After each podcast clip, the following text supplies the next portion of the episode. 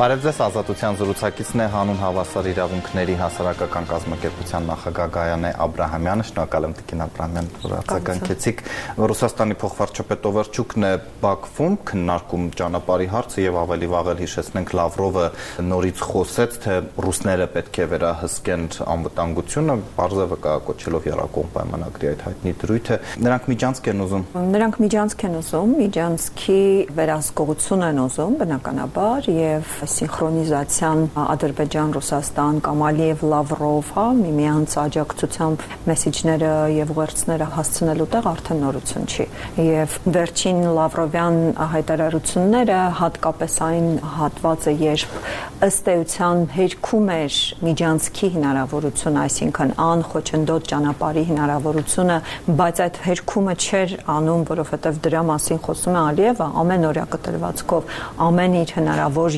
ելույթներով եւ ոչ միայն Ալիև, այլ նաեւ Էրդողանը կամ Էրդողանի նաեւ կառավարության ներկայացուցիչներ, ինչպես ինչպես վերջերս տրանսպորտի նախարարը, բայց Լավրովը հետաքրքիր էր, որ իր հերքումը չէր անում եւ իր կոչը չէր անում Ալիևին, այլ ծաղրում էր ըստեյության Հայաստանի Հանրապետության վարչապետին, ասելով, որ որևէ տրամաբանություն չեմ տեսնում համեմատության մեջ դնելու Միջանցքը եւ Իրանի հետ ճանապարհը։ Միջդեռ այդ տրամաբանությունը բավական խորն է։ Սա իրականում ես անվանել էի նոր բարձունք Ալիևի փաստաբանության Լավրովի կողմից եւ իրականում ակնհայտ է նաեւ հաջորդիվ քայլերը, այսինքն Օվերչուկի այցը եւ այլն, այսինքն հաջորդիվ քայլերը եւս դրա մասին են վկայում որ հստակ է միմյանց հետ փորձում են ինչ-որ գործակցության գնալ, մեկ դիտարկում ունեմ այստեղ գուցե ինչ-որ դրական զարգացման տեսանկյունից, որ եթե նախկինում շատ ուղիղ այդպես չէր ասվում, որ միջանցք չի լինելու, միջանցքի տրամաբանություն որպես այդպեսին ճանապարհի կոմունիկացիաների բացման մասով չի լինելու, հիմա շատ ավելի հստակ են ասում, բայց մյուս կողմից նաև շեշտում են իրենց վերահսկողության սահմանում այդտեղ, որովհետև սրան արդեն չի դիմանում Ալիևը։ Շատ པարզ նաև այսպես ասած ասուլիսի ժամանակ ասաց այդ մասին։ Ձեր ընդդիմախոսներն ասում են, որ գուցե սա չարյած փոքրագույնն է, վաղ ուշ կլինի եւ ադրբեջանցիները պարսը ռուսների, ինչպես ասում են, դաբրոյով դա կվերցնեն ուժով։ Այս մտահոգությունը անշուշտ կա։ Ես ինքս էլ բարբերաբար ասում եմ, որ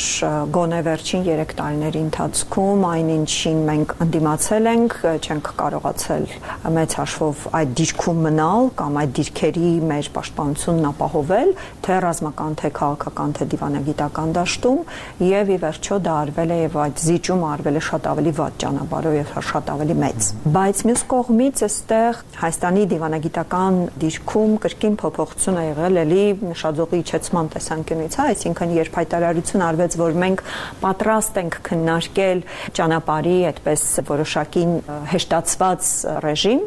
սա արդեն իսկ որոշակի այդպես զիջում է։ Գուցե արդեն իսկ ինչ որ պայմանավորվածություն կա այս մասով, որ տեսեք դուք չեք պնդում, որ միջանցք է, մենք էլ ասում ենք, այո, արագացված կամ հեշտացված ռեժիմ է այդտեղ կիրառվելու, ստացվում է, որ դուք ստանում եք այնինչ ուզում եք, բայց մյուս կողմից ստացվում է, որ ես իմ հանրության ասում եմ, որ ես չեմ զիջել, դու ել քո հանրությանն ասում ես, որ դու չես զիջել։ Այսինքն այստեղ ավելի շատ ներքին հանրությանը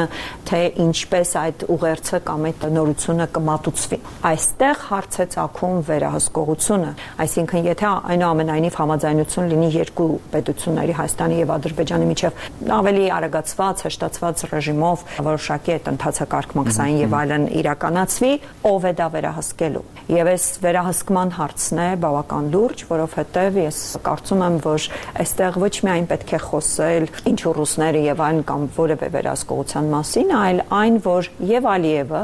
եւ Լավրովը հղում են անում նոյեմբերի 9-ի փաստաթղթին արդյոք գոյություն ունի ընդհանրապես այլևս նոյեմբերի 9-ի փաստաթուղթ, որովհետև եթե այդ փաստաթուղթի հիմնադրույթը սահմանված էր Արցախի, Արցախահայության իրավունքների պաշտպանությունը, Արցախում ապրող մարդկանց պաշտպանությունը, անվտանգությունը ապահովելը, Արցախում այլևս մարդ չի մնացել եւ չի մնացել հենց այդ երկուսի փոխգործակցությամբ եւ նոյեմբերի 9-ի փաստաթղթի որևէ դրույթ Հայաստանը չի խախտել, բայց որևէ դրույթ ի օգուտ Հայաստանի չի իրականացվել, անգամ կերիների վերադարձ չի իրականացվել, հա, այսինքն հիմա խոսել եւ հղում անել այդ փաստաթղթին անհեթեթ է ուղղակի։ Դուք կարծում եք Ադրբեջանը պատրաստվում է պատերազմի։ Ադրբեջանը անընդհատ է պատրաստվում պատերազմի, ոչ թե պատրաստվում է, կարծում եմ Ադրբեջանը պատրաստ է պատերազմի։ Ադրբեջանի համար բարբերաբար եւ հատկապես եվրոպական եւ ընդհանրապես հավաքական արևմտյան տարբեր երկրներից բարձրացվում է պատերազմի քաղաքական գինը։ Այսինքն, եթե ռազմական առումով Ադրբեջանը վստահաբար պատրաստ է եւ ամեն րոպե դա կարող է անել, նախ եվրոպական դիտորդների առաքելության սահմանին դիտորդությունն է դա գրեթե դժվարացնում եւ այստեղ կարեւոր մի դիտարկում անենք, որ երբ բարբերաբար անդադ խոսում են եւ Լավրովն է խոսում եւ Զախարովան, այսինքն եւ ռուսական կողմից եւ ադրբեջանական կողմից դիտորդներին ուղված այդպես բողոքներ են հնչում եւ այլն, իրենց բողոք այն չէ եւ Լավրովը երբ ասում է այնտեղ իրենք ինֆորմացիա են հավաքում ռուսների մասին եւ այլն, դա բացարձակ իսկապես անհեթեթ է, հա, որովհետեւ եթե ուզենան եվրոպացիք ինֆորմացիա հավաքել, դա չեն անի դիտորդներով եւ դրա համար բազմաթիվ այլ մեխանիզմներ ունեն։ Իրենց բողոքը հիմնական այն է, որ սահմանը վերահսկվում է եւ այդ հենց վերահսկողության շնորհիվ է այդ հնարավոր հարցակումները, որին նաև ռուսները բացարձակ դեմ չեն, հնարավոր հարցակումները կանխվում։ Ինչու ռուսները դեմ չեն, որովհետև սա հերթական անգամ առիթ կլինի գալու եւ հերթական անգամ այսպես ասած չկերտավոր փրկելու Հայաստանին։ Ալիևի համար քաղաքական գինը բարձրացվում է եւ վերջին Ֆրանսիայի սենատի բանաձևը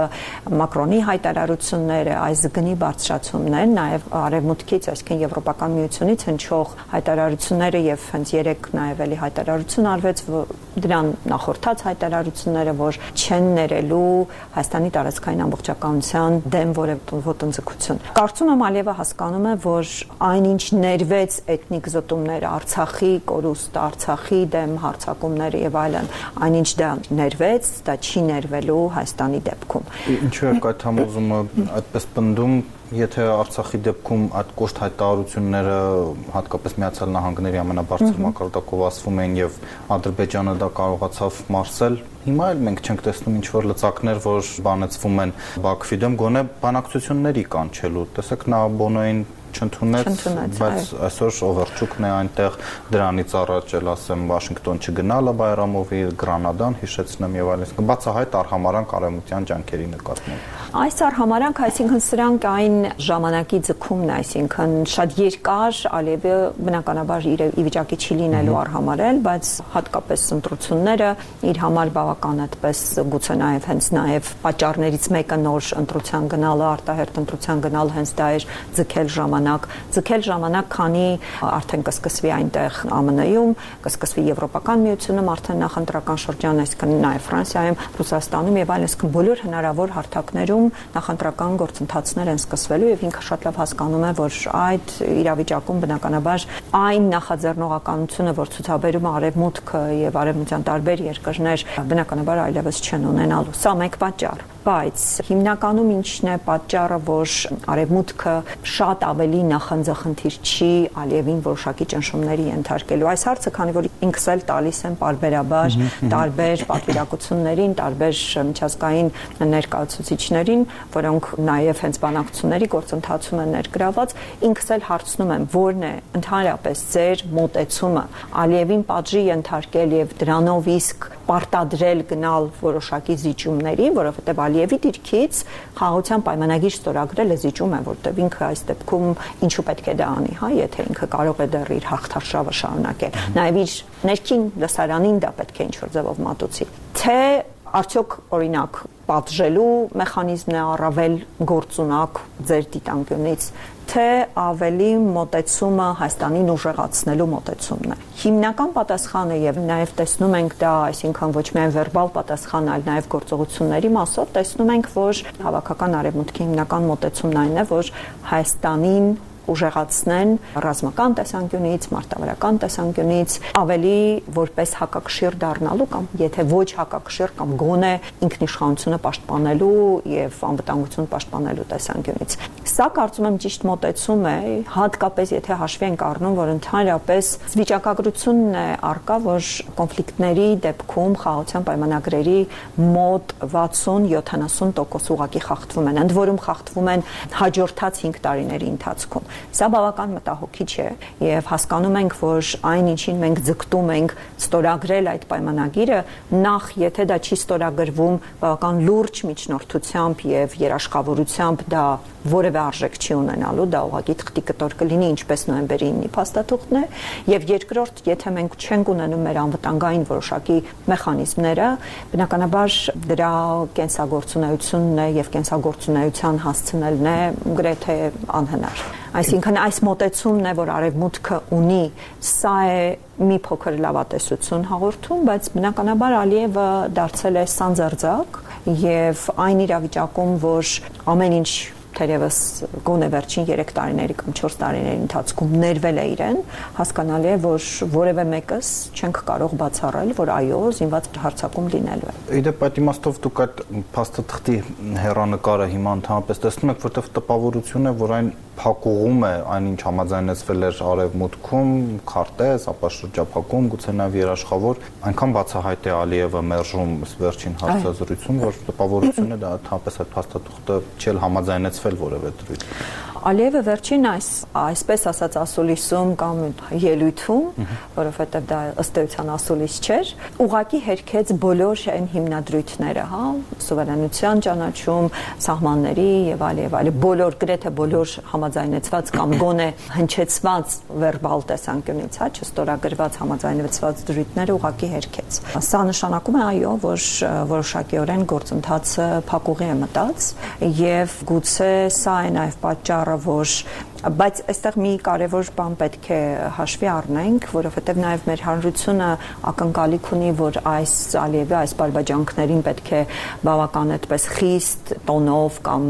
նույն հռետորաբանությամբ արձագանք հնչի։ Ավելին ասում են ինչու եք վախեցած։ Ինչու եք վախեցած եւ այլն, ես կարծում եմ, որ սա շատ էմոցիոնալ մոտեցում է եւ դիվանագիտական տեսանկյունից ես կարծում եմ, որ Ալիևի այս բարբաջանքը ոչ միայն իր ներքին լսարանին էր եւ դա պետք է ոչ միայն դիտարկենք նախընտրական համատեքստում եւ այլն, ես կարծում եմ, որ սա սադրանք էր։ Եվ սա սադրանք էր հենց նման արձագանք կորզելու տեսանկյունից եւ ակնկալում էր, որ այստեղից պիտի լինի նման արձագանք եւ որը նաեւ որոշակիորեն իրեն լեգիտիմ պատճառ կտար Հայաստանի դեմ հարձակում իրականացնելու։ Ինչ եմ ասում, իր համար հարձակման քաղաքական գինը բավական բարձր է եւ հենց այսպիսի նաեւ քաղաքական գուցե կոշտ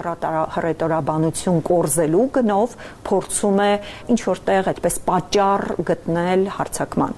Եվ այդ տեսանկյունից կարևոր է հնարավորինս զուսպ լինել լինել եւ շարունակել մեր դիրքից խոսել այո խաղաղությունից հստակ հասկանալով որ դա խաղաղության պայմանագիր չէ հստակ հասկանալով որ դա առնվազն կամ գոնե պայմանագիր է բռնի ուժ կամ հարցակում չկիրառելու մասին հա այսինքն խաղաղությունը այդպես շատ մեծ է ասված բայց սա այն մինիմալ գոնե խաղի կանոնները սահմանող մի փաստաթուղթ պետք է լինի եւ այս տեսանկյունից այո մեծ չի հույսը բայց շարունակել այս հրետորաբանությամբ խոսելը կարեւոր է Հայաստանի դիրքից Տիկին Աբրամյան ռուսների հետ հարաբերությունների մասին, եթե ՀԱՊԿ, ԵԱՏՄ-ն, ռազմաբազան մնում են տնտեսական կապերը, Հայաստանը կարող է ավելին ակնկալել արևմուտքից իրականում բարդ իրավիճակում է Հայաստանը, ես շատ հաճախ ասում եմ պատանդի իրավիճակում է, բայց մենք արդեն այսքան եթե 3 տարի առաջ այդպես լրիվ պատանդառության վիճակում ենք, մենք արդեն կարծես թե որոշ որոշակի ձերբազատվել ենք, կարողացել ենք գոնե այդ կապանքներ արྩակել, բայց դեռ չենք կարողացել փախնել այդ պատանդառության տիրույթից, հա։ Մենք հրաապարական չենք հայտարարել հապկից դուրս գալու, բայց բոլոր քայլերը ըստ էության այդ մասին են։ Եվ այս տեմպը պահելու տեսանկյունից շատ կարևոր է։ Մենք ճունենք այնտեղ ներկայացուցիչ, մենք վերջին փաստաթղթերը չենք ստորագրել, այսինքն ըստ էության մենք սառեցրել ենք մեր մասնակցությունը կամ անդամակցությունը, բայց ոչ իրավական տեսանկյունից։ Այսինքն փաստացիորեն դե դե ֆակտո մենք սառեցրել ենք, բայց ոչ դե յուրե։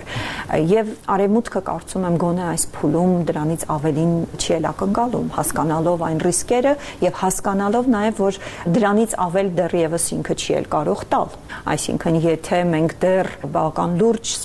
սպառազինություն դեռ չենք ստանում եւ այն սպառազինությունը, որ արևմուտքից այս պահին ակնկալվում է, դրանք բավական այդպես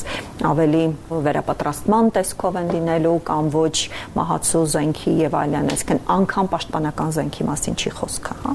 Այսինքն իրենք հասկանում են նաեւ որ թե ինչ իրավիճակում ենք մենք եւ այս տեսանկյունից գոնե այն հանդիպումները, որ ես բարբերաբար ունենում եմ տարբեր միջազգային դերակատարների հետ, այդպիսի պահանջ չի դրվում։ Կկին շնորհակալ եմ եւ հիշեցնեմ, որ մեր զրուցակիցներ հանուն հավասար իրավունքների հասարակական կազմակերպության ղեկավար Կարենե Աբ รา համյանը